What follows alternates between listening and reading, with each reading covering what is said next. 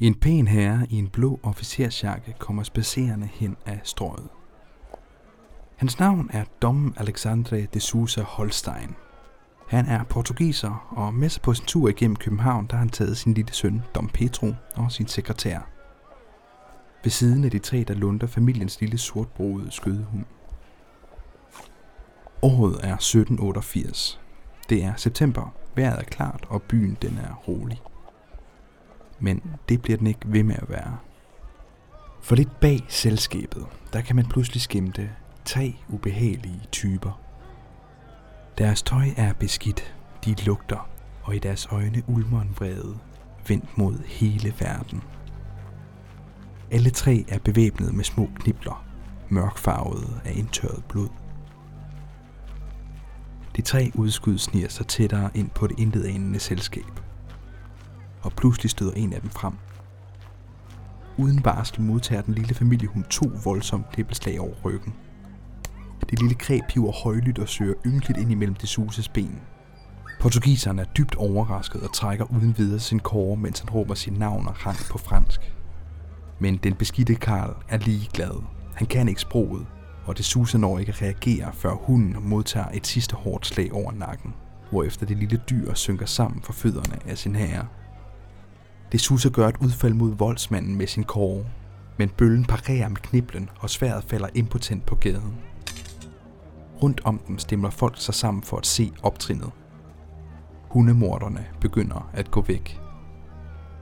Det suser, han samler sin kåre op igen, men stoppes af en sagfører, der råber, at de tre mænd bare gør deres arbejde. Det suser, han er forvirret, og han bliver stående, som bøllerne forsvinder hen ad gaden.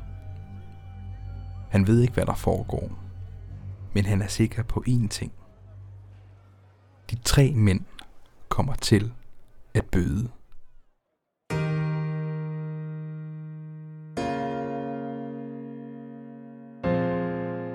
Mit navn er Oscar, og du lytter til historier fra historien.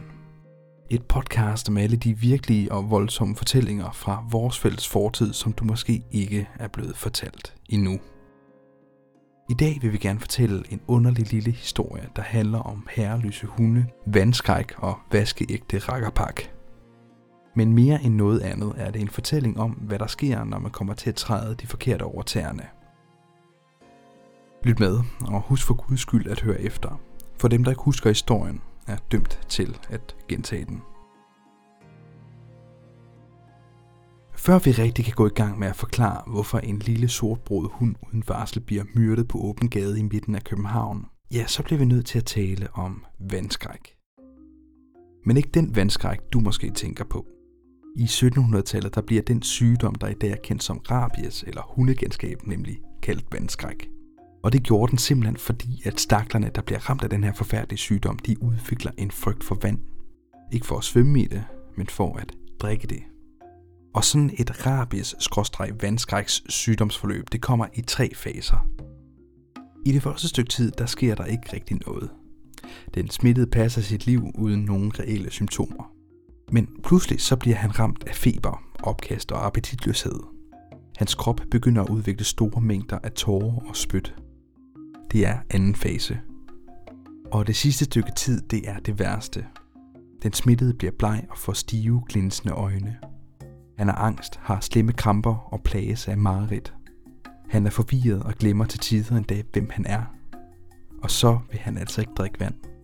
Og befandt man sig i den her fase i 1700-tallet, der var døden mere eller mindre uundgåelig.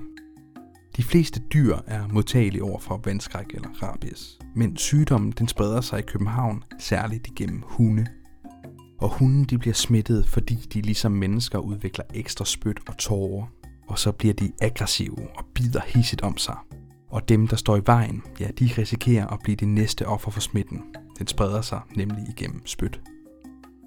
Og med det her i mente, så kan man godt forstå, at nogle af 1700-tals københavnere kunne være en smule betænkelige ved hunde. Men byen, den er altså fuld af dem. Og rigtig, rigtig mange er herreløse. De løber rundt i gaderne, tigger ved boderne, spiser skrald, slås indbyrdes og snærer af forbipasserende. De er klamme, grimme og farlige, og så bliver de altså ofte syge. hvor privatejede hunde, der får rabies, hurtigt kan afsløres og dermed aflives, så løber de her herreløse rabiesmittede hunde uantastet rundt, indtil nogen spotter dem, eller de endelig krasser af af sig selv. Og særligt om sommeren, der hæver den her sygdom, altså København. Her skal det også lige hurtigt siges, at antallet af rabies-smittede mennesker aldrig bliver så voldsomt, at det på nogen måde kan måle sig med nogle af de større epidemier i København, som pest eller kolera. Men antallet af folk er alligevel stort nok, og måden man dør på er ubehagelig nok til, at især de københavnske læger de begynder at forlange, at der bliver gjort noget ved den her situation. Her er det for eksempel en læge, der skriver til politimesteren i 1769. Herved nødsages jeg til at anmelde for deres velborgenhed, hvorledes her i staden, såvel som uden for porten, findes skalne hunde. Vel har jeg adskillige gange i disse tider af Sandro folk hørt om forfald af lige farlige dyr, men i dag morges har jeg på Amager Torv ej uden frygt set en stor, sort, krøllet hund, som var virkelig gal. Hundene er over det hele, og når de er gale, så er de farlige. Danmarks Christian den 7. går jævnligt ture i hovedstaden. Tænk, hvis det var ham, der blev bidt. Presset det udmunder sig simpelthen i, at den 5. juni 1769 bliver det offentliggjort, at alle løse hunde, som måtte findes på gaderne, her i staden eller på vejene uden for portene, af natmesterens folk nedslås. Alle hunde, der ikke går i snor, kan altså blive slået ihjel, om de tilhører et menneske eller ej. Og det lyder jo meget smart. Problemet er bare, at man altså skal finde nogen, der vil stå for det her arbejde. Og hvem er det så, der skal kaste sig ud i det her blodbad? Jo, egentlig så er det Københavns politimester, der har det nominelle ansvar for operationen. Men dem, der rent faktisk skal stå for det beskidte arbejde, det er ikke politifolk. Nej, i stedet så er det nogen af netmesterens folk. De såkaldte rakkere. Det er fra rakkerne, at vi får ordet rakkerpak, og det kan ifølge ordbogen bruges som en gruppe af mennesker, der betragtes med afsky og det er ikke tilfældigt. Rakker hjælp til med henrettelser, de parterede ådsler, og nu skulle de altså også i gang med at slå sagsløse hunde ihjel på åben gade. Det er ikke noget, man bliver vildt populær af. De er de laveste af de laveste, og de lever livet på kanten af samfundet. Deres arbejde, nødvendigt som det var, blev alligevel anset som værende forkert, ulækkert og uærligt. Det er skamfuldt at omfærde rakkere, og som konsekvens så ender de ofte med at bo et stykke uden for byerne. Og når det kom ind forbi, ja, så gjorde samfundet, hvad de kunne, for at de ikke skulle føle sig velkomne. Planen for at udrydde de laveste på rangstigen i København, de herreløse hunde, var altså at sende de næstlaveste efter dem, rakkerne. Og her er det vigtigt at huske på, at rakkerne selv sagt ikke havde valgt deres arbejde, fordi de syntes, det var udpræget sjovt at arbejde med selvdøde dyr og henrettelser. Men arbejde skal man jo have, hvis man vil overleve. Og derfor der må rakkerne, trods lav løn og institutionaliseret had, altså marchere på arbejde alligevel. Man kan nemt forestille sig, hvordan sådan en overvældende social stigmatisering kan påvirke et menneske. Rakker blev anset som voldelige og dyriske, og som konsekvens deraf, der begynder de også selv at opføre sig sådan. Systemet er sat op til, at de kun kan tabe, så hvorfor ikke bare opføre sig brugtende og ubehøvlet, når det nu alligevel er sådan, alle forventer, man er. Så da rakkerne går i gang med deres arbejde, så er det ikke særlig kønt at se på. Du skal forestille dig en lille bande af to-tre rakkere, der trækker en åben vogn gennem Københavns gader. Her kaster de sig alle de sønderslåede hundelige, som de får produceret på deres tur på tværs af byen. Her er en beskrivelse fra samtiden. En vogn kører med en hoben hunde, hvor kæften slagen til en side på nogle, en anden på andre. Visselig et af de videre styggeligste syn, som kan forestilles. Og tvende store karle med prøle, som under tiden slår uden at ramme, og der en dog laver spektakler og insolenser. Problemet er bare, at hunden den er menneskets bedste ven. Og på trods af vandskrækken, der kan folk ret godt lide de her dyr. Og det, at de her sagsløse kræ bliver slået ihjel af nogen, der dengang blev anset som menneskelig affald, gjorde det ikke bedre overhovedet. Og det begynder derfor hurtigt at flyve rundt i byen med historier om ubehøvlede og usædvanligt afstumpede rakkere. En hund, som disse rakkere eftersøgte, skal have søgt ind under en kone, som sad og solgte, og rakkerne slog den ved siden af hende, hvor konen faldt ned af stolen og fik et slag. Madame Søgaard fortæller, at hendes hund stod ved siden af hende i trappen og blev ihjelslagen. Og da hun talte derpå, blev hunden efter fortælling indkastet i forstuen, og natmandens folk ville ikke udtage den, før hun betalte en rigsdaler. Hvor mange af de her historier er sande, er svært at sige, og måske også lige meget. Fordi et er nemlig sikkert, og det er, at uviljen mod rakkerne, den vokser stødt. Til gengæld så begynder den herreløse hund så at få et ry som et smart og snilt dyr, der gang på gang narer det dumme og brutale modstander. De her stakkels rakker kan derfor mere eller mindre bevidne, hvordan de på en eller anden måde bevæger sig endnu længere ned ad den sociale rangstige. Helt ned under de sygdomsbefængte dyr, som de har til arbejde at slå ihjel. Men på trods af det, så fortsætter de stadig deres arbejde. En vigtig detalje omkring de her henrettelser af løse hunde, det er, at selvom det teknisk set gælder alle løse hunde i København, så gælder det selvfølgelig ikke alle løse hunde i København. Politimesteren han havde nemlig sørget for at beordre rakkerne, at de skulle holde sig væk fra det pænere borgerskabshunde, om de var i snor eller ej. På den måde der undgår man en masse ubehagelige sager. De fattige hunde blev fortsat massakreret til højre og venstre, men deres klager var immer væk noget nemmere at ignorere. Men så i 1788, der ændrer det her sig altså. Her bliver en mand ved navn Johan Thomas Flint udnævnt til politimester. Og han har åbenbart været af den bizarre overbevisning, at loven den bør være lige for alle. Så kort tid efter han får jobbet, der beordrer han, at alle hunde skal dræbes. Ingen diskrimination. Og den her ordre, den kulminerer så et par måneder senere, den 29. september 1788, da tre rakkere dræber en lille sortbroget hund tilhørende en portugisisk sand ved navn Dom Alexandra de Sousa Holstein på åben gade midt i Vimmelskaftet. Efter overfaldet, der skriver de Sousa, manden med den her nu ret døde lille hund, et hisset brev til den danske udenrigsminister, der på det her tidspunkt må siges at være rigets mægtigste mand. I det her brev, der fortæller portugiseren mælende om hændelsen, hvordan hans lille søn var ved at dø af skræk, hvordan bøllerne knap nok havde ramt det suse selv, og ikke mindst hvordan de ikke stoppede med at angribe hunden, selvom han altså råbte sit navn og rang på fransk. Han afslutter klagen således. Jeg tænker, at det er overflødigt at bevidne deres excellente, hvor meget jeg fortryder den mangel af bødighed, som man ved denne lejlighed har vist imod mig og hvor højt jeg må ønske, at rakkerknægtene, som har gjort sig skyldige i denne forgribelse, må blive eksemplaritære straffet. Jeg forlanger dette på det allerinstændigste. For at jeg ikke ved et sådan tilfælde skulle miste min hund, er det overmodet hårdt for mig, at det skulle tildrage sig lige under mine øjne. Det jeg er med far for min altså, person. alle tre rækker, der var med til at overfalde hans hund, skal straffes så hårdt som overhovedet muligt. Og det er udenrigsministeren for så vidt fuldstændig enig i. Han skriver følgende til kancelliet, som er den instans, der har ansvar for, at der sker noget i sagen.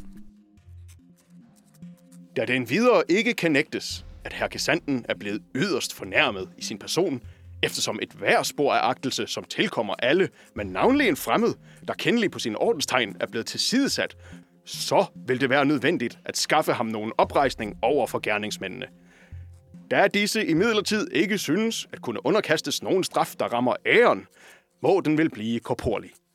En sådan har de vel fortjent ved deres brutalitet, der er en skændsel for nationen. Den 8. oktober, altså ni dage efter hundemordet, der finder politiet frem til de her tre rakkere og sender dem til afhøring. Det bliver meget hurtigt klart, at omdrejningspunktet for efterforskningen er den rakker, der helt konkret dræbte hunden. En kold type ved navn Lorenz Hofmeier. Og nu kan det så være, at du tænker, at den her rakker, der udførte hundemordet, jo egentlig ikke har gjort noget galt. Fordi ja, det er ret synd at myrde hunden, men det var jo trods alt hans arbejde. Og politimester Flint havde jo utryggeligt påbudt, at alle hunde, der gik i snor, skulle slås ihjel. Så hvad kunne den her stakkels rakker ellers have gjort? Og hvis du havde fortalt det til Lawrence Hofmeier, så havde han været ret enig.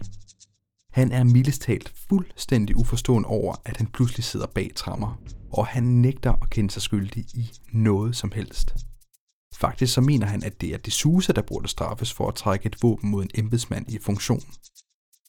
Og samtidig med, at Lorenz Hofmeier altså sidder i et afhøringslokale og giver det etablerede Danmark fingeren, så ser situationen rigtig svær ud for den nyudnævnte politimester Flint.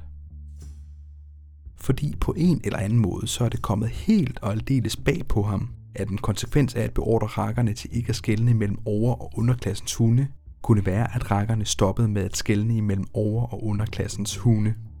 Nu står han så i et dilemma. Fordi på den ene side så har Hofmeier ikke gjort andet end at følge de ordre, som Flint selv har givet ham.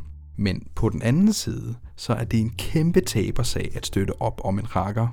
Og kan det ikke også godt siges, at Hofmeier lidt selv er ude om det? Man kan da ikke myrde en pæn mands hund. Det bedste Flint han kan finde på, det er at modarbejde Hofmeier ved at bevise, at den her rakker, han vidste, at D'Souza var en udenlandske sandt, en ven af Danmark, en man absolut ikke må gøre noget ondt. Og i kraft af, at han så har vidst det her, der fortjener Hofmeier en eller anden straf, bare i kraft af, at han har været ubehøvlet. Men i afhøringen af Hofmeier, der nægter den her rakker hårdnakket overhovedet at have haft nogen idé om, at D'Souza skulle være kommet fra et andet land. Altså før han begyndte at råbe af ham på fransk, og der var hunden jo allerede død. Om det er sandt er svært at sige, men fra forhørene af de to andre rakkere, der kommer det faktisk frem, at de muligvis har troet, at D'Souza kom fra Sverige. Med til historien hører nemlig, at der på det her tidspunkt har floreret en hel del rygter i København, og mange forventer, at Danmark og Sverige snart vil gå i krig med hinanden endnu en gang. Og det kunne altså derfor tyde på, at de tre rakker havde set D'Souza spacere omkring i en blå officersjakke. Antaget han var svensker, og derefter bestemte sig for at ødelægge hans dag, fordi, helt ærligt, fuck ham, han er svensker. Men lige meget hvor de havde troet, D'Souza kom fra, så viser Hofmeier sig at være overraskende svær at dømme for noget som helst. Politimester Flint har i hvert fald personligt rigtig svært ved at se en god måde, hvorpå man kan straffe rakkeren inden for loven. Men det holder altså ikke kansleriet tilbage. For selvom rakkeren altså bevisligt ikke har gjort noget galt, så har han forbrudt sig på den uskrevne klasselov. Loven, der gør, at de rige har lov til at sparke nedad, mens de fattige absolut ikke må sparke tilbage. Sådan er det, fordi sådan har det altid været. Det eneste Hofmeier får ud af hans hårdnakkede modstand er en måned ekstra i fængsel, mens kanseliet bliver enige om hans straf. I Hofmeyers dom kendes det på den måde for ret, at natmandens Lorenz Hofmeier efter fortjeneste og ham samt hans kammerater til erindring om herefter i lige alle andre deres forretninger at være mindre fremfusende, bør sættes i gabestokken en time på egen bekostning, ligesom han selv bør betale sin arrest og forplejning efter regning under videre adfærd. Efter at have hørt den her dom, der ville den trodsige Hofmeier efter sine appellere, men han får hurtigt at vide, at han godt kan pakke sammen og snart så står han i gabestokken, hvor han nok fik lov til at mærke offentlighedens attitude over for rakkere og hundemordere. Og oven i det så får den fattige Karl også lov til at betale for den måned, han havde opholdt sig i arresten. Sagen om hundemordet i Vimmelskaftet vagte faktisk ret meget opsigt og var medvirkende til, at man året efter besluttede sig for at indskrænke myrderierne en smule. Fremover skulle der nemlig kun myrdes hunde på gaderne i de varme sommerdage, hvor rabiesen virkelig havede. Man kaldte det hundedage. Og sommer efter sommer nedslog rakkerne hundredvis af herreløse hunde i de københavnske gader. Det hjalp dog ikke synderligt, og myrderierne på åben gade afskaffes helt i 1813. Langt op i det 19. århundrede, der fører den danske stat en aktiv krig imod de omstrejfende vorser. Det går langsomt, men lidt efter lidt bidrager forskellige regler, hundeinternater og skatter til, at vi i dag har en hovedstad stort set fri for herreløse hunde. Og i den her fortælling, der spiller hundemordet i vimmelskaftet altså sin egen underlige lille rolle.